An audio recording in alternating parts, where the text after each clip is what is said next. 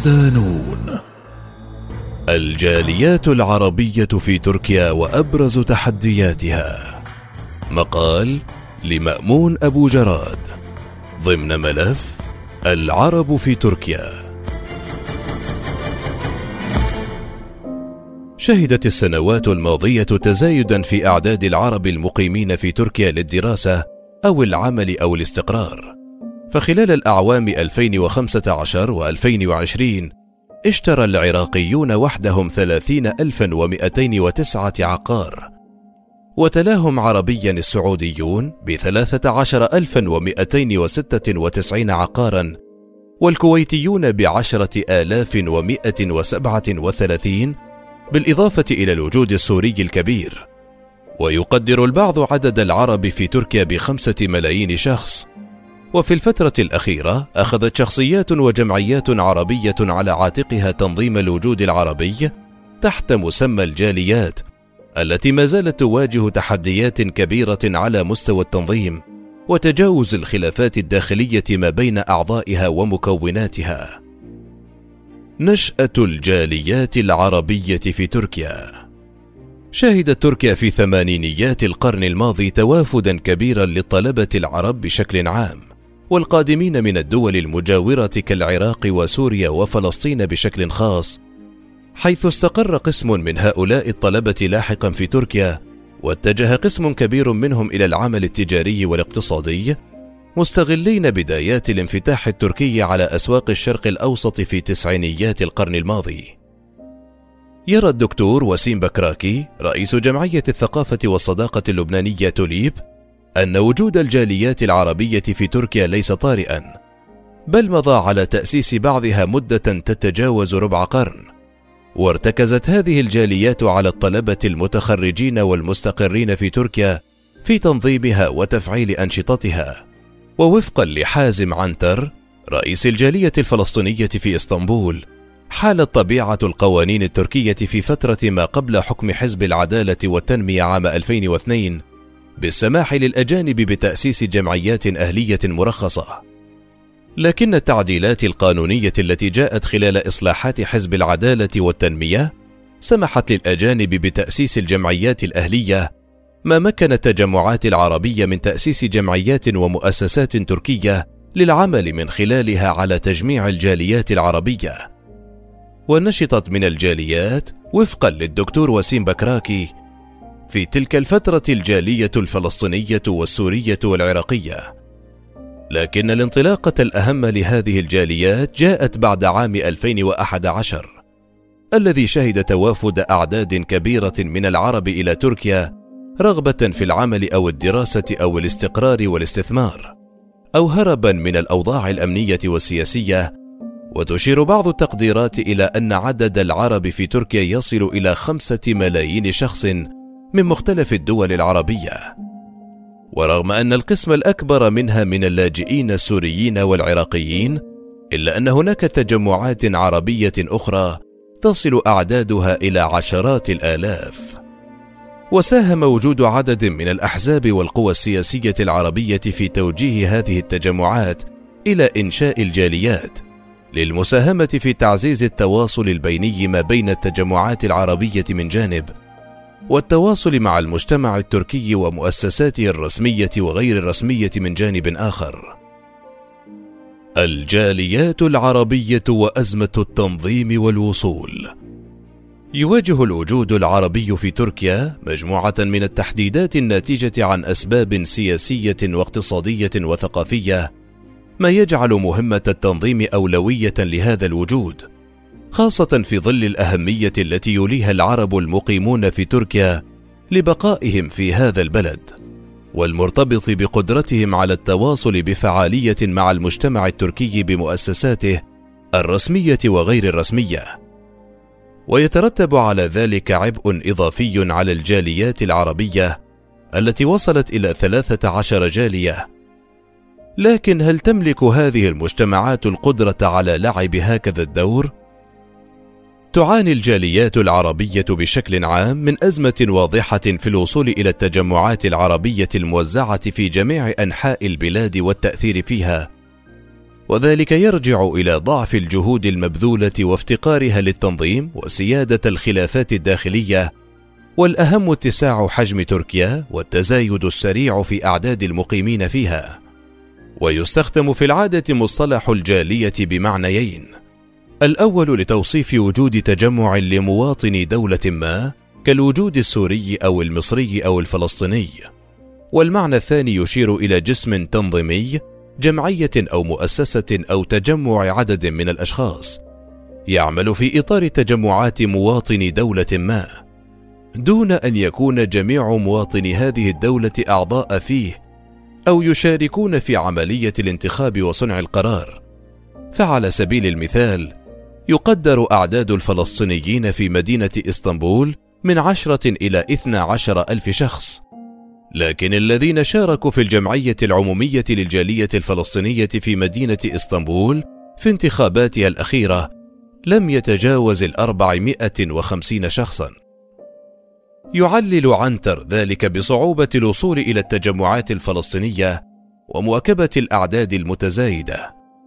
ومع وجاهة هذا الطرح، لكن الواضح أن أسبابا أخرى جوهرية حالت دون حضور الكل الفلسطيني، وعلى رأسها الخلافات السياسية. إذ شهدت السنوات الأخيرة تحسنا في علاقات تركيا مع حركة حماس، الأمر الذي جعلها محطة لكوادر ومؤسسات الحركة التي زاد حضورها في التجمعات الفلسطينية في تركيا وقد يكون هذا الأمر سببا في تخوف القائمين على إدارة الجالية في إسطنبول من الانفتاح على الوجود الفلسطيني بشكل واسع خشية أن تأتي النتائج الانتخابية بطريقة لا تهواها الإدارة القائمة. ولا تقتصر الخلافات داخل الجاليات العربية على الأسباب السياسية بل تتعداها إلى أسباب أخرى. فوفقا لمحمد الهمص رئيس اتحاد الجاليات العربية تم البدء في العمل لإيجاد جسم تجميعي للجاليات العربية في منتصف العام 2016 وفي فبراير شباط 2019 تم الإعلان عن تشكيل ملتقى للجاليات العربية على هامش مؤتمر جماهيري حضره رئيس البرلمان التركي بن علي يلدرم لكن التطورات اللاحقة أفرزت تشكيل جسمين للجاليات العربية.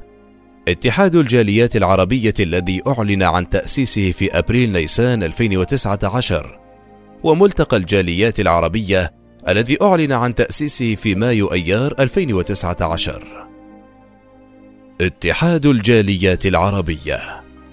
يسعى اتحاد الجاليات العربية وفقا لرئيسه الحالي محمد زكي الهمص إلى توحيد الجهد العربي في إطار موحد بهدف الارتقاء بالجاليات العربية في تركيا وتشكيل قناة تواصل فعالة مع المجتمع والمؤسسات التركية. ويضم الاتحاد وفقا للهمس تسعة ممثلين عن تجمعات عربية فلسطين ومصر وسوريا والعراق وليبيا ولبنان والمغرب واليمن وأخيرا الصومال. وتجري انتخابات الهيئة الإدارية للاتحاد كل أربعة سنوات فيما تمتد دورة الرئيس لمدة عام.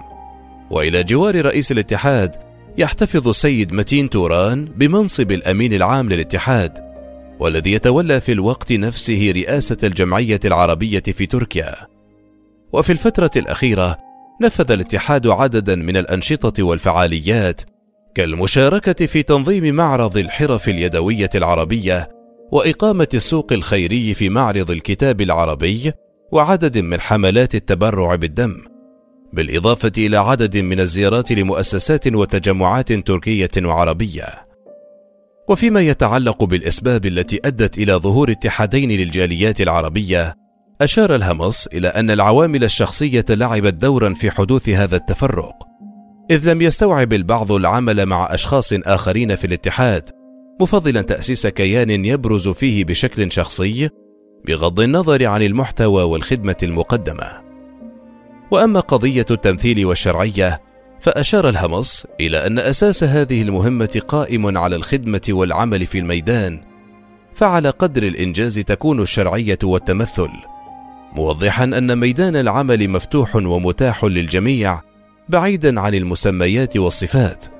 مؤكدا أن الهدف الأساسي الذي يعمل عليه الاتحاد في الفترة المقبلة هو تعزيز الوصول إلى الجاليات العربية المجلس الأعلى للجاليات العربية. أعلن عن تأسيس المجلس الأعلى للجاليات العربية في نهاية مايو أيار 2019 في لقاء عام جرى تنظيمه في مدينة إسطنبول. وسبق اللقاء العام اجتماع ضم ممثلين عن ست جاليات عربية هي الجالية السورية واليمنية والمصرية واللبنانية والصومالية والليبية. ولاحقا توسع المجلس ليضم 12 جالية عربية. هي الجالية الفلسطينية والسورية واللبنانية والليبية واليمنية والمصرية والتونسية والجزائرية والمغربية والصومالية والأردنية والسودانية.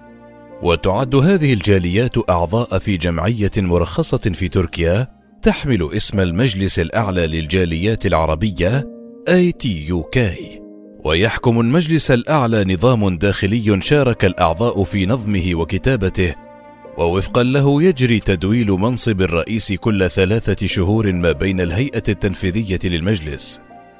ووفقا للدكتور وسيم يسعى الاتحاد إلى تحقيق عدد من الأهداف. أهمها تأمين وتعزيز اللحمة بين أبناء المجتمع العربي في تركيا. وتفعيل التواصل الحقيقي بين الشعب التركي والشعوب العربية المقيمة في تركيا وأخيرا الحفاظ على الهوية العربية عبر تعزيز وحماية اللغة العربية للطلبة العرب وتسليط الضوء على العادات والتقاليد المختلفة والتآزر في الفرح والحزن بين كل هذه الجاليات المختلفة.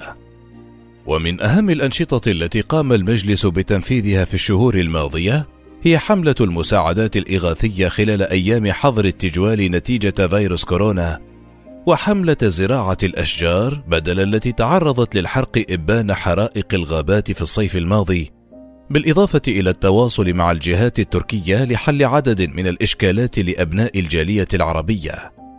ويرجع الدكتور وسيم بكراكي وجود أكثر من اتحاد إلى تقديم الحضور الشخصي بدلا من المؤسساتي.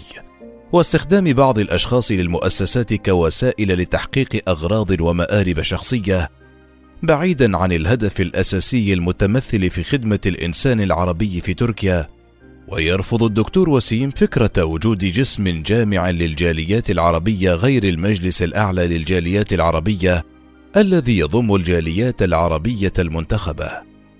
يعاني الوجود العربي من انعكاس الخلافات السياسية القادمة من البلدان العربية وغياب العمل المؤسسي لصالح العمل من أجل الذات أو من أجل مجموعة من الأشخاص دون غيرهم بالإضافة إلى افتقاده للشخصيات القيادية القادرة على جمع شتاته وتوحيده وذلك في ظل اشتداد العنصرية والتحديات الأخرى حيث يعد تنظيم الحالة العربية الخطوة الأولى في التصدي لها. ومن الممكن أن تشكل الجاليات العربية فرصة في أن تكون قاطرة العمل التنظيمي العربي لكن ذلك يستلزم تعزيز الشفافية وتجاوز الشللية في العمل والانفتاح على التجمعات العربية بالإضافة إلى تعزيز الأجواء الديمقراطية.